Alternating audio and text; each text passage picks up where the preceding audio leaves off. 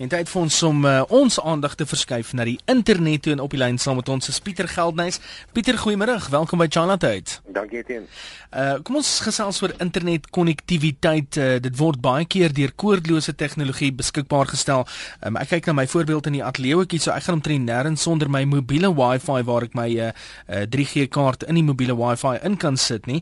Um en dit dit maak finansiëel meer sin as 'n uh, landlynverbindings. Watter tipe standaarde bestaan daar wat koordlose internetkonnektiwiteit betref?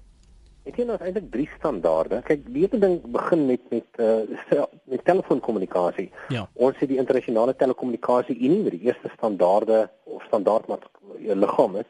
En dit is die liggaam wat kyk na alle operateurs, dis nou landlyn en selfoonoperateurs wat dieselfde standaarde dwars oor die hele wêreld uitrol.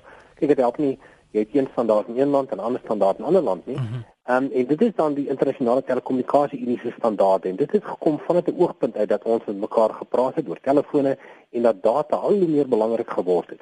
Die tweede belangrike liggaam in die hele storie is die Instituut vir Elektriese en Elektroniese Ingenieurs.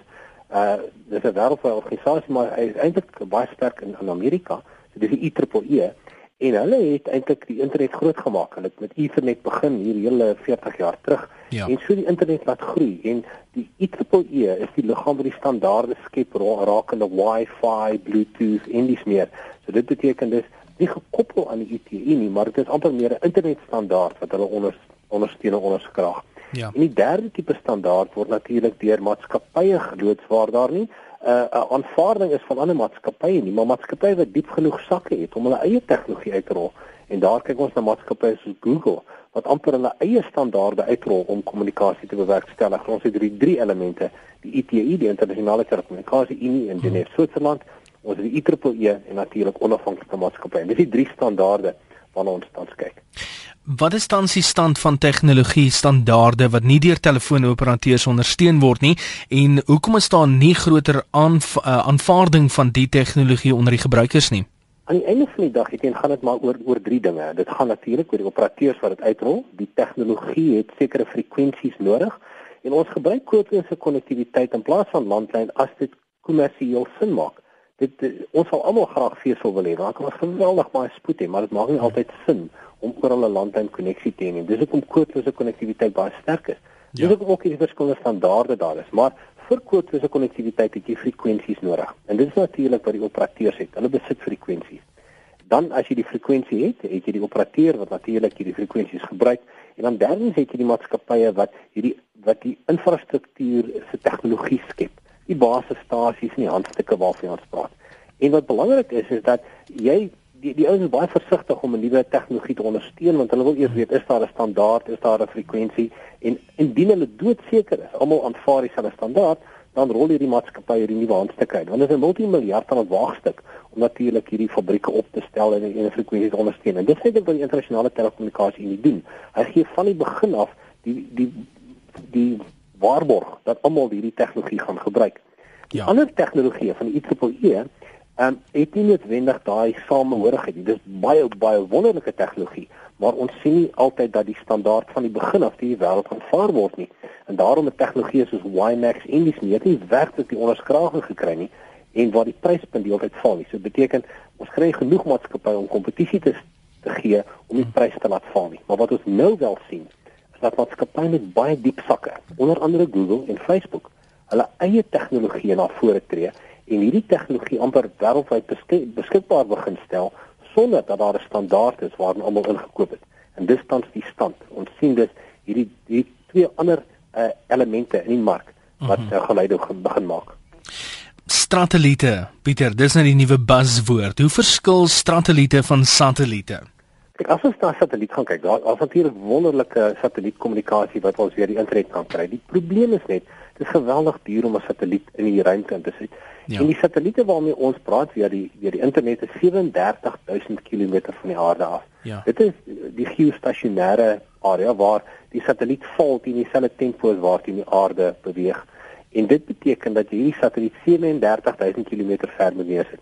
Nou, die die tegnologie is daar, dit is tamelik goedkoop. Jy kan omtrent vir dieselfde pryse as uh vir selfone via satelliet nou werk, maar die die uh, afstand wat hierdie sein moet beweeg het natuurlik geen beperking vir die spoed van satelliete. So tans is dit wonderlik om satelliete te gebruik want jy hoef nie van naam jy teen nie in die middel van die Karoo wees dit is wonderlik as 'n rugsteuning as al jou ander netwerke nie werk nie dan kan jy natuurlik satelliet gebruik. Maar die nuwe buzzword is satelliete. Dit beteken dit is satelliete wat binne in die atmosfeer is, in die stratosfeer. Hoekom die naam mhm. satelliete daar is. Ja. Dis uh, dis uh, voertuie of uh, wat omtrent tussen 16 en 20 km bo ons rondvaar en hulle moet dan die hele tyd op op een plek bly. Dit beteken hulle moet een of ander aandrywing hê of hulle moet 'n ballon wees om daar te bly. En dit beteken dat hulle baie nader is. Ons so 20 km is baie nader as 37000 km. En dit is die nuwe fokuspunt om te kyk hoe kan ons swewende internetbasisstasies bo ons hê waarmee ons kan kommunikeer wat vir ons internet toegang kan gee. Wie is die groot rolspelers as dit by Strandelite kom en uh, wat word daar rondom hierdie beplan vir die volgende 12 maande? Ek sê volgende 12 maande weet ek nie, maar die volgende 5 jaar gaan dit 'n aardskudding wees, want daar's tans twee interessante projekte aan die gang. Soos ek mhm. voorheen genoem het, maatskappye Google en Facebook het baie diep sakke en hulle koop nou maatskappye wat internetkonnektiwiteit aan plekke kan gee waar daar nie internetkonnektiwiteit is nie. Twee projekte wat ek net wil opnoem, is die een is Google Loon. So die Google Loon projek toets hulle tans in Nieu-Seeland. En dit is waar hulle hierdie ballonne in die lug opstoot wat omtrent 15 16 km bo ons gaan rondsweef. Mm -hmm. En soos hulle dan rondom die aarde wentel, is daar dan altyd een van hulle wat ons sal raak sien uit die suidelike halfrond. So hulle sweef oor Australië, dan oor Afrika, dan oor Suid-Amerika en dan kom hy weer rondom die wêreld. Ja. En dit beteken 'n plaas daarvan dat jou basisstasie 30 of 40 km van jou af is op die grond, is jou nuwe basisstasie 15 km bo jou in die lug. Daar's altyd een wat rond beweeg. En een van die beplanninge wat hierdie maatskappy het, is dat hulle duisende van hierdie ballonne in die lug gaan sit, 'n bietjie hoër as wat die uh, strale gaan vlieg. Hmm. En dan gaan jy konnektiwiteit kan kry na die internet toe vanaf hierdie satelliete wat hier bo jou verby sweef. Dis die een projek, die Google Loon projek wat met ballonne werk. Ja. Die tweede maatskappy wat hulle gekoop het, is 'n maatskappy met die naam ehm um, Titan Aerospace en dit is sweeftuie wat sonpanele het wat batterye laai en dan word hierdie sweeftuig deel van die satelliete en hierdie sweeftuig kan 5 jaar lank daarbo vlieg sonder om te land en ook internetkonnektiwiteit gee. Dis tans die twee tegnologieë. Hoe voorsien jy die rol van Google in die internet se ekostelsel van die toekoms Pieter? Die interessante ding van Google is dat hulle die bedryfstelsel het op ons fone. 70% van die wêreld se fone gebruik Android, die slimfone, praat nou van slimfone spesifiek. En wat interessant is, omdat hulle dus die beheer of die bedryfstelsel van die foon beheer en as hulle natuurlik ook die hierdie satellietnetwerke of satellietnetwerke kan bou via hierdie sweeftuie of dan die ballonne, dan mhm. voorsien ons dat hulle dan vir jou foon die vermoë kan gee om of met die selfoonnetwerke onder op die grond te praat of dan met hulle eie netwerk wat hulle het bo jou in die lug. En nou raak dit baie interessant want vir wie gaan jy dan betaal om vir internet te gee? Ons ja. moet besef dat daai swewende basisstasies nooit werklik die bandwydte vir ons kan gee as wat selfoon torings onder op die grond het nie. Want die selfoon torings is aan 'n vesel gekoppel en dit gee vir ons net toegang na die internet toe.